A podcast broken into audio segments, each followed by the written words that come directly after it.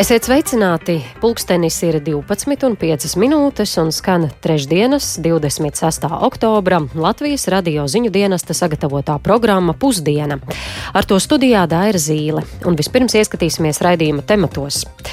Iezīmējas iespējamais amatu sadalījums jaunajā valdībā un saimā. Potenciālie partneri apspriež sadarbības memorandu. Šādā formātā, kas eh, arī mūsu skatījumā būtu loģiskāks, ka visi runā pie viena galda topošie koalīcijas partneri, esmu pārliecināts, ka drīz šāds princips tiks ievērots. Partija progresīvie būs opozīcijā. Skaidrosim, kā Nacionālās apvienības un progresīvo domstarpības var ietekmēt Rīgas domas koalīciju.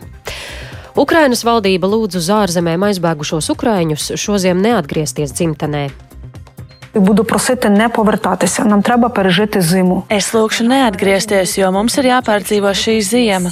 Diemžēl elektrotīkli neizturēs. Jūs redzat, ko dara Krievija? Visi to redz. Un vēl Latvija plāno iepirkt joda tabletes konkrētām iedzīvotāju grupām. Eksperti gan atgādina, paļauties vienu uz tabletēm nedrīkst. Par šiem un citiem tematiem turpinājumā.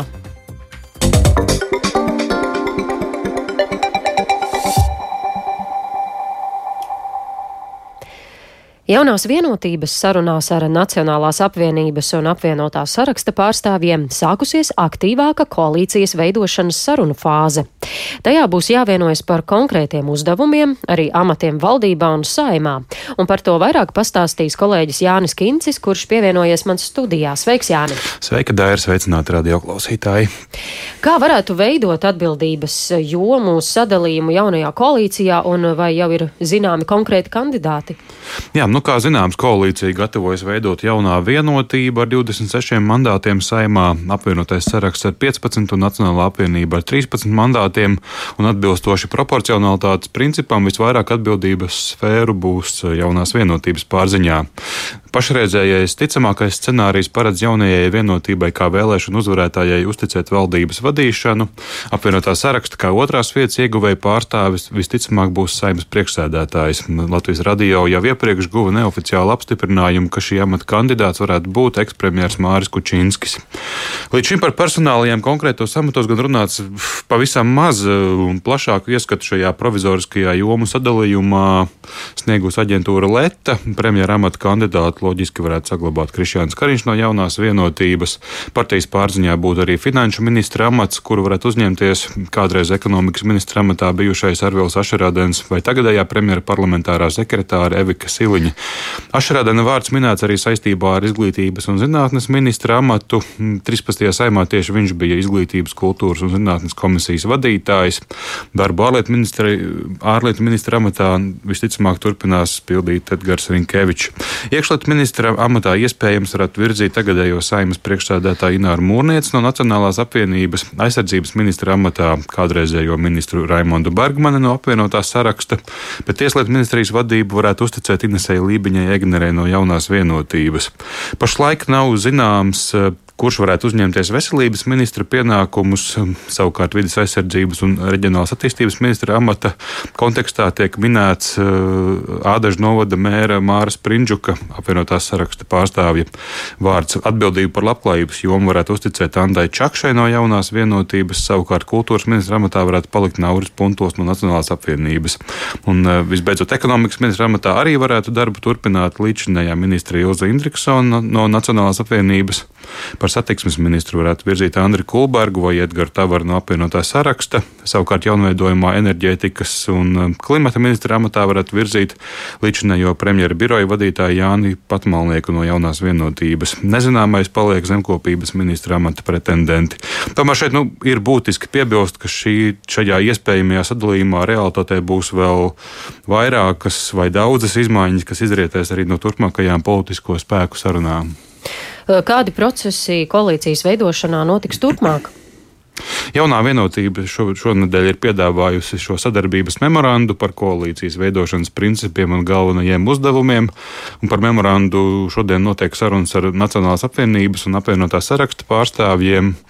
Un, uh, vienlaikus jau arī ir sākusies valdības deklarācijas un dar, darāmo darbu fiksēšana, bet tas vēl nenotiek pēc oficiālās uh, darba kārtības.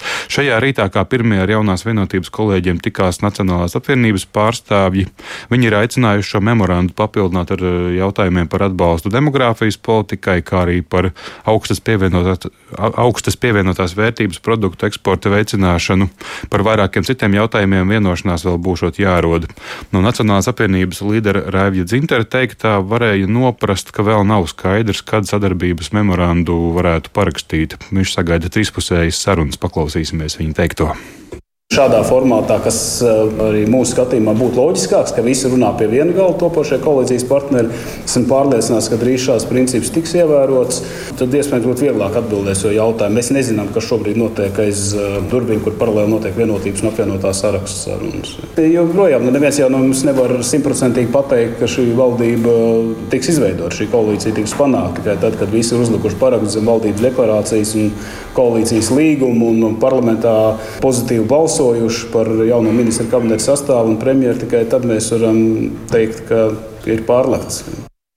Piebildīšu vēl, ka premjerministrs Krišjāns Kariņš norādījis, ka visiem potenciālās koalīcijas partneriem vispirms būtu jāvienojas par šo memorandu, un tikai tad sekos uh, detalizēts darbs ar atbildības sfēru sadali un uh, nākamās valdības uzdevumu plāna gatavošanu četriem gadiem. Paldies! Studijā bija mans kolēģis Jānis Kīncis. Pēc eh, trīs nedēļu spraigām diskusijām, tātad jaunās saimas koalīcijas izveidē, ir kļuvis skaidrs, ka partija progresīvie tomēr būs opozīcijā. Kā Nacionālās apvienības un progresīvo domstarpības var ietekmēt Rīgas domas koalīciju, un kur abi politiskie spēki sadarbojas, un vai galvaspilsētā gaidāmas pārmaiņas, vairāk Viktora Demidova ierakstā. Rīgas domē progresīvi ar 15 balsīm ir lielākā partija koalīcijā, kas jau divus gadus spēj sadarboties ar pārējiem politiskiem spēkiem. Tā izskaitā arī ar Nacionālo apvienību, kurai daudzi viedokļi ir pilnīgi pretēji. Pēc tam, kad saimā progresīvos valdībā nevēlējās redzēt, piemēram, Nacionālā apvienība, partijai piedāvāja divpusējo sadarbības līgumu ar vienu ministra krēslu. No tā sociāldemokrāti atteicās, kas nozīmē, ka tie būs opozīcija koalīcijā. Lai gan progresīvie vēlamo neieguva, Rīgas domas koalīcijā tie turpināšot strādāt, turpina frakcijas pār progresīvie vadītājs Mārtiņš Kosovičs. Neredzu nekādus būtiskus iemeslus, kāpēc būtu jānotiek pārmaiņām Rīgas domas eh, koalīcijā, sastāvā, un vai vajadzētu kaut kādā veidā domāt par mēru nomaiņu. Tādām runām un bažām nav pamats. Partija progresīvie netaisās dumpoties, izstāties no koalīcijas. Nu, Rīgā tas būtu ļoti liels absurds, ja mēs to darītu, jo mūsu frakcijā ir arī mērs. Līdz ar to, ja kāds vien dumpoties, varētu, varētu būt kādi ārpusē, nevis eh, mūsu frakcijā. Koalīcijas sastāvu Rīgas domē šobrīd uzreiz šī situācija neietekmēs. Par galvaspilsētas koalīcijas stabilitāti ir pārliecināta vicemēra Linda Ozola no konservatīvajiem, kuras partijas saimā nav iekļuvusi. Viņa gan atklāja, ka starp koalīcijas partijām virknē jautājumu ir atšķirīgi viedokļi. Pēc Latvijas radio neoficiālās informācijas domas kodolu apsver pamest Nacionālā apvienība, kurā ir septiņi mandāti. Ozola atbild, ka tādi mājieni ir jūtami jau ilgāku laiku. Ja kāda partija ir koalīcijā, kur tu nevari īstenot nevienu no savām iniciatīvām, tad jautājums tiešām ir vietā, vai tie ir līdzvērtīgi sadarbības partneri un vai tādā koalīcijā ir vērts būt. Nu, ja jūs man prasat, vai šajās dienās Jā. šis jautājums ir darba kārtībā, nē, šajās dienās es neesmu. Bet tā klīst kaut kādas sarunas. Bet es saku, ka pēdējā gada laikā šādi mājieni šad un tad ir izskanējuši. Bet es domāju, pēc saimnes vēlēšanām, vai tas ir aktualizējies? Es teiktu, ka aktuālāks jautājums ir eh, par atbildības jomu nostiprināšanu. Jautājums par izstāšanos nu, tāds nav, nav ticis apspriests. Nu, tas vienmēr paliek, ja gadījumā koalīcija kaut kur nesastrādājās, bet pašlaik ir doma nevis par izstāšanos, bet par darbu aktivizēšanu. Tā atbild domas deputāts Einārs Cilīnskis no Nacionālās apvienības Latvijas reģiona apvienības kopīgā saraksta. Vienlaikus piebilstot, ka katras koalīcijas stabilitātei risks pastāv. Izmaiņas koalīcijā nesaredz arī opozīcijas partijas saskaņa frakcijas līderis Konstantīns Čekūšins. Teiksim, izveidot citu koalīciju, manuprāt, būtu grūti. Un paši es domāju, ka progresīvi tomēr domā ne kā bērni, o mums abīžo tur, tad mēs šeit kaut ko izdarīsim vēl sliktu. Domāju, ka viņi turpinās strādāt. Opozicionārs vien uzskata, ka likvidējot vicemēra Smiltāna vietu, Rīga ir jāsamazina vicemēru skaits, tādējādi varot ietaupīt 200 tūkstošus eiro gadā. Uzrunātie koalīcijas deputāti tādu iespēju gan neizskata. Viktors Demidovs, Latvijas radio. Partija progresīvie saimas koalīcijā nebūs pārstāvēta, un tas politiskajam spēkam Rīgas domē dod iespēju koalīciju koriģēt. Tā pieļauj Vidzemes augstskolas vadošais pētnieks Gatis Krūmiņš. Ar viņu sarunājās Viktors Demidovs nu, gan jaunai vienotībai, gan nacionālā apvienībā ar to pašu reģionu. Apvienību, nu, nav tur tāda dominējoša loma, jā, un tas būtu varbūt bijis viens no tādiem apsvērumiem, kāpēc tos progresīvos tanī valdībā vajadzēja ņemt, jā, nu, lai tā kā nedaudz to Rīgas domas situāciju varbūt tā regulētu. Bet, nu, tad e, šī Rīgas doma palikusi tā kā otrā plānā, manuprāt, nu, tad tur iespējams kādi pārsteigumi varētu būt. Tā atcerēsimies, ka pavasars ir prezidenta vēlēšanas, un tur arī šīs balss būs vajadzīgas, jā, un domāju, ka tas būs jautājums, kad eh, mēs runāsim ne tikai par Rīgas domas stabilitāti, jā, bet arī par valdības stabilitāti. Es domāju, ka mūsu pavasarī pēc grūtās ziemas gaida neviens vien pārsteigums. Tad izveidot pilnīgi citu Rīgas domas koalīciju? Es domāju, ka jā, bet es nedomāju, ka tas būs tagad eh, tāds, eh, nu, tuvākā brīža jautājums uzreiz. Tagad, nu, kaut gan progresīvi arī tāda jauna partija un tāda ātri viņi ir un tagad ātri kaut kā reaģēt, jā, bet es domāju, ka tas varētu tur būt kaut ko, ja tur kaut kāda pauze tiks ieturēta, bet principā es domāju, ka šis jautājums uz tāda radara varētu tikt turēts. Es domāju, līdz ar šo skaidrs, ka jaunā vienotība, jaunas domā Nacionāla apvienība, tajā Rīgas domē vairs tik droši nevar justies, jo progresīvi var izspēlēt šo pretī. Latvijas radio rīcībā ir neoficiāla informācija, ka no Rīgas domas koalīcijas iespējams varētu izstāties Nacionālā apvienība. Kā jūs vērtējat tādu iespējamību? Vai tās ir tikai baumas? Nedomāju, ka Nacionālajai apvienībai būtu pat jēgpilni apsvērt to esošo koalīciju skatoties. Varbūt tā ir neapmierinātība ar šiem eh, partneriem, jā, teiksim, kontekstā ar to, uz kādu koalīciju viņi skatījās saimnes vēlēšanās. Bet ja mēs paskatāmies tā realistiski, tad, nu, es domāju, tā būtu kļūda, jo tad, nu, būtībā Nacionāla apvienība pazaudētu šo ietekmi Rīgas domē. Cita lieta, ja, piemēram, tagad progresīvie pārskata šo koalīciju kaut kādā veidā, jā, nu, tad Nacionāla apvienība, es domāju, noteikti paziņos, ka viņi neredz iespēju darboties kopā.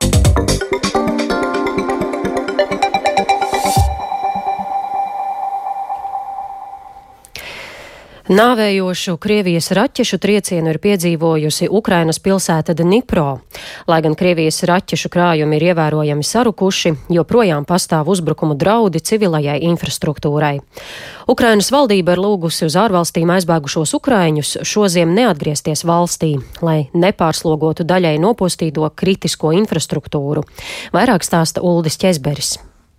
Vismaz divi cilvēki nogalināti, bet četri guvuši ievainojumus vakar vakarā notikušajā Krievijas raķešu uzbrukumā Dnipro pilsētai. Viena no raķetēm trāpīja degvielas uzpildes stacijai, nopostot vairākas ēkas un izraisot ugunsgrēku. Viena no nogalinātajām bija grūtniece, kura esot sadegusi dzīve savā automašīnā. Pēdējās dienās Krievijas raķešu uzbrukumi Ukrainas pilsētām ir samazinājušies, ko rietumu valstu militārie eksperti skaidro ar Krievijas raķešu krājumu izsīkšanu. Tomēr Krievijas raķešu triecienu draudi nav samazinājušies. Ukrainas bruņoto spēku operatīvā pavēlniecība Dienvidi ziņo, ka Krievija Melnajā jūrā ir izvietojusi zemūdeni un astoņus karakuģus, kuri ir apbruņoti ar vismaz 20 spārnotajām raķetēm Kaļibra. Šīs raķetes var tikt izmantotas, lai turpinātu Krievijas sistemātiskos uzbrukumus Ukrainas energoapgādes infrastruktūrai, kas pēdējās nedēļās ir nopietni cietusi. Šī iemesla dēļ Ukrainas vicepremjere Irina Vereščuka ir aicinājusi uz ārvalstīm aizbēgušos Ukrainas pilsoņus vismaz līdz pavasarim neatgriezties dzimtenē, lai nepārslogotu valsts elektrotīklus. Буду просити не повертатися. Нам треба пережити зиму. Es lūkšu neatgriezties, jo mums ir jāpārdzīvo šī ziema. Diemžēl elektrotīkli neizturēs. Jūs redzat, ko dara Krievija, visi to redz. Atgriezties tagad nozīmē atkal pakļaut briesmām sevi, savus bērnus, visus savus neaizsargātos radiniekus, kuri var būt vai nu slimi, vai ar ierobežotām pārvietošanās spējām, vai arī vecāka gada gājuma. Tāpēc nedariet to. Ja ir iespējams, tad pārziemojiet ārzemēs. Es arī ļoti vēlos, lai mēs pavasarī kopā atjaunotu Harkivas un Helsonas apgabalus un citas apdzīvotās vietas, lai ukrāņu bērni varētu dzīvot un mācīties Ukrainā. Bet tagad pacentīsimies, jo mēs saprotam, ka situācija tikai pasliktināsies, un šajā ziemā mums vajadzēs izdzīvot. Kopš Krievijas iebrukuma 24. februārī uz citām Eiropas valstīm ir devušies 7,7 miljoni Ukrainas iedzīvotāju, liecina ANO bēgļu aģentūras dati. Krievija turpina apgalvot, ka Ukraina gatavojas savā teritorijā izmantot tā dēvēto netīro bumbu, kas var saturēt radioaktīvus materiālus. Krievija to atkārtoja arī vakar notikušajā ANO drošības padomes slēgtajā sēdē. Pēc sanāksmes Lielbritānijas vēstnieka ANO vietnieks Džeims Skariuki žurnālistiem sacīja, ka Krievija nav spējusi sniegt nekādus jaunus pierādījumus saviem apgalvojumiem. We've Apvienotā karaliste, Francija un ASV ir skaidri pateikušas, ka Krievija izplatā acīm redzami nepatiesus apgalvojumus. Ukraina ir skaidri pateikusi, ka tai nav ko slēpt. Uz turieni dosies Startautiskās atomenerģijas aģentūras inspektori, un mums ir skaidri jāpasaka, ka tā ir visīstākā Krievijas dezinformācija, kādu esam redzējuši jau daudzkārt, un to vajadzētu pārtraukt. Krievija ir tā, kas savā retorikā izmanto kodoldraudus, un to arī vajadzētu izbeigt.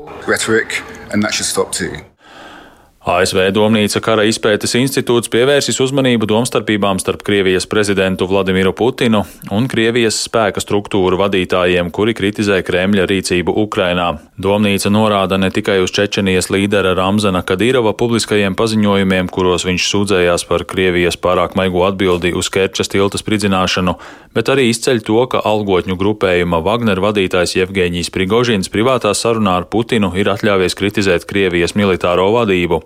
Tas liecinot par to, ka atsevišķi spēka struktūru pārstāvji spēj ietekmēt Krievijas politiku nevis tikai akli pakļaujas Putinam, kurš pašreizējā situācijā visiem līdzekļiem centīsies apmierināt kara atbalstītāju apetīti, uzskata Kara izpētes institūta analītiķi. Uldis Česberis, Latvijas radio.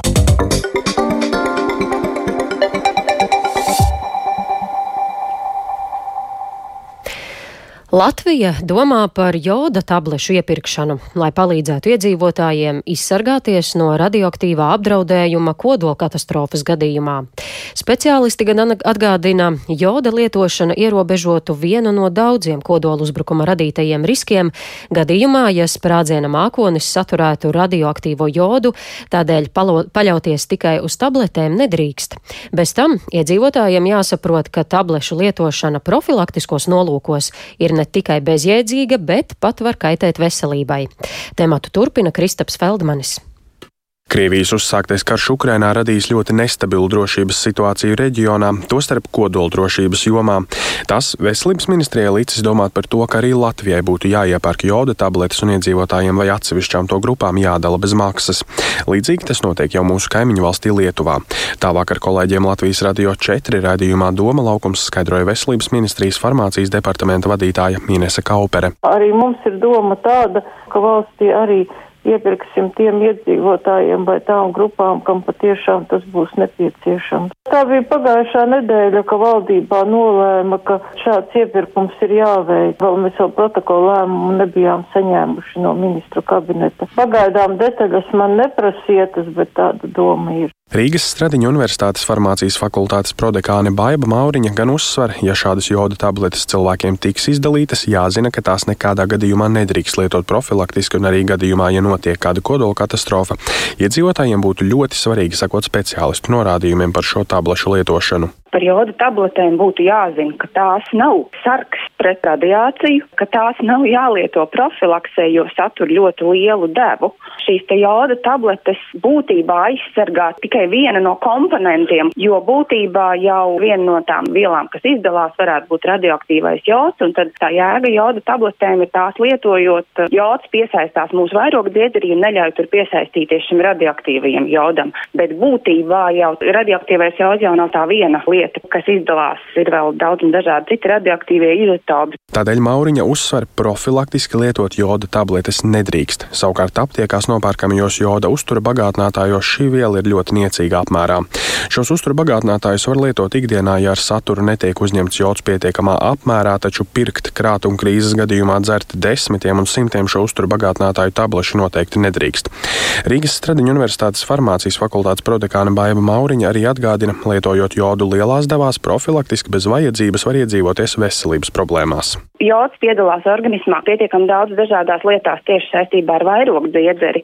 Un ar joda preparātiem jebkurā gadījumā ir jābūt uzmanīgiem. Ja lieto šīs tabletes, kur ir lielā joda deva, tad, protams, ir daudz dažādu blakus parādību, kas ir no kuņa zarnu trakta puses, kas ir arī saistībā ar citām orgānu sistēmām. Tā kā tas tiešām pilnīgi noteikti nav nepieciešams. Savukārt civilās aizsardzības eksperts Rīgas Stradiņu Universitātes darba drošības un vidas veselības institūta direktors Ivars Vanadziņš līdzīgi Baibai Mauriņai norāda, ir labi, ja šādas tabletes ir pieejamas, taču tās jālieto vien nepieciešamības gadījumā, ja ir saņemtas tādas norādes, turklāt svarīgi, lai tās mērķa grupām būtu pieejamas jau pirms negadījuma. Viņš ir potenciāli efektīvs, bet ir vairākas lietas. Pirmā lieta ir tā, ka tās ir mēģi grupas. Tad, pirmkārt, ir zem 40 gadus veci cilvēki, grūtniecības primāri, nu, un arī bērni. Tad es tie ir ļoti, ļoti konkrēts mēģi grupas, kur tas ir, nu, pamatots. Otra lieta - jēgas viņas lietot ir tikai un vienīgi vai, nu, tātad diennakti pirms vai 4 stundas pēc tās ekspozīcijas. Es te, ja tad, ja ministrija nopērk, tad, ja viņi nav pie tā iedzīvotāji, viņiem uz galda kopā ar skaidru indikāciju un veidu, kā viņš saņem ziņu, kad viņi ir jālieto.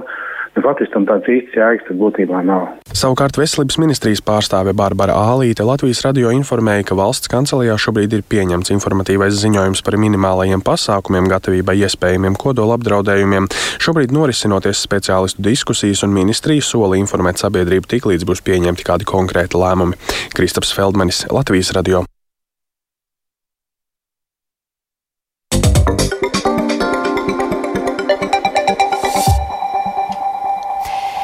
Nodarbinātības valsts aģentūrā pat laban kopumā reģistrēti vairāk nekā 7000 bezdarbnieku ar kādu invaliditāti.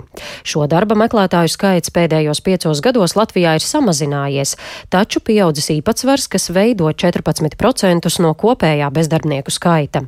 Cilvēkiem ar dažādiem funkcionējošiem traucējumiem joprojām ir sarežģīti atrast darbu gan vides pieejamības, gan sabiedrības aizspriedumu dēļ. Plašāk Sintīs Ambotas ierakstā. Nodarbinātības valsts aģentūrā pat labam kopumā reģistrēti vairāk nekā 7000 bezdarbnieku ar kādu invaliditāti, kas ir teju 14% no kopējā bezdarbnieku skaita. Šo darba meklētāju skaits pēdējos piecos gados ir samazinājies par tūkstoti, taču īpatsvars kopējā bezdarbnieku statistikā ir pieaudzis. Pavisam jauns atbalsts darba devējiem, kas nodarbina personas ar invaliditāti, pieejams tieši ergoterapeita konsultācijai un darba vietas pielāgošanai līdz 1000 eiro apmērā no Eiropas fondu naudas. Šomēnes NVA arī aicina darba devējus pieteikties bezmaksas konsultācijām par dažādiem cilvēku ar invaliditāti nodarbināšanas jautājumiem. Tikmēr invalīdu un viņu draugu apvienības apērons vadītājs Ivars Balodis vērtē, ka Latvijā pat labam pamatā ir īstermiņa risinājumi cilvēku ar invaliditāti nodarbināšanā. Ir diezgan daudz dažādas atbalsta programmas, ko valsts nodrošina, piemēram, subsidētā nodarbinātība, bet arī ārzemju eksperti ir atzīmējuši to, ka tas nenodrošina to ilglaicīgo efektu, kā tādu, ka cilvēki tiešām no uz ilgu laiku paliek un, un atrod to savu dzīves piepildījumu konkrētajā uzņēmumā tad lielākais cilvēku invaliditāti nodarbināto skaits ir tieši tajā trešajā grupā, kur tā invaliditāte nav tik ļoti izteikta un nav tik ļoti sarežģīta. Invalīdu atbalsta organizācija oktobrī un novembrī rīko tikšanās ar dažādiem darba devējiem un novērojas, ka uzņēmējiem trūkst arī informācijas par atbalstu un kur šos darbiniekus meklēt. To apstiprina uzņēmuma Nord Baltica pārstāve Ekaterina Jermolina, kas tagad plāno, kādas iespējas varētu dot arī cilvēkiem ar invaliditāti. Ja tā nav kaut kāda fabrika, fizisks darbs, bet darbs saistīts ar datoru, tad uh, pilnīgi mierīgi var uh, veikt jebkurš cilvēks. Apērons vēl norāda, ka cilvēku ar invaliditāti skaits kopumā pieaug, kas nākotnē visticamāk palielinās arī šo bezdarbnieku skaitu. Turklāt darba iespējas līdzās invaliditātes pabalstam daudziem šoruden kļuvušas aktuālākas līdz ar enerģētikas krīzi un pārtikas cenu kāpumu. Sinti Ambota, Latvijas radio.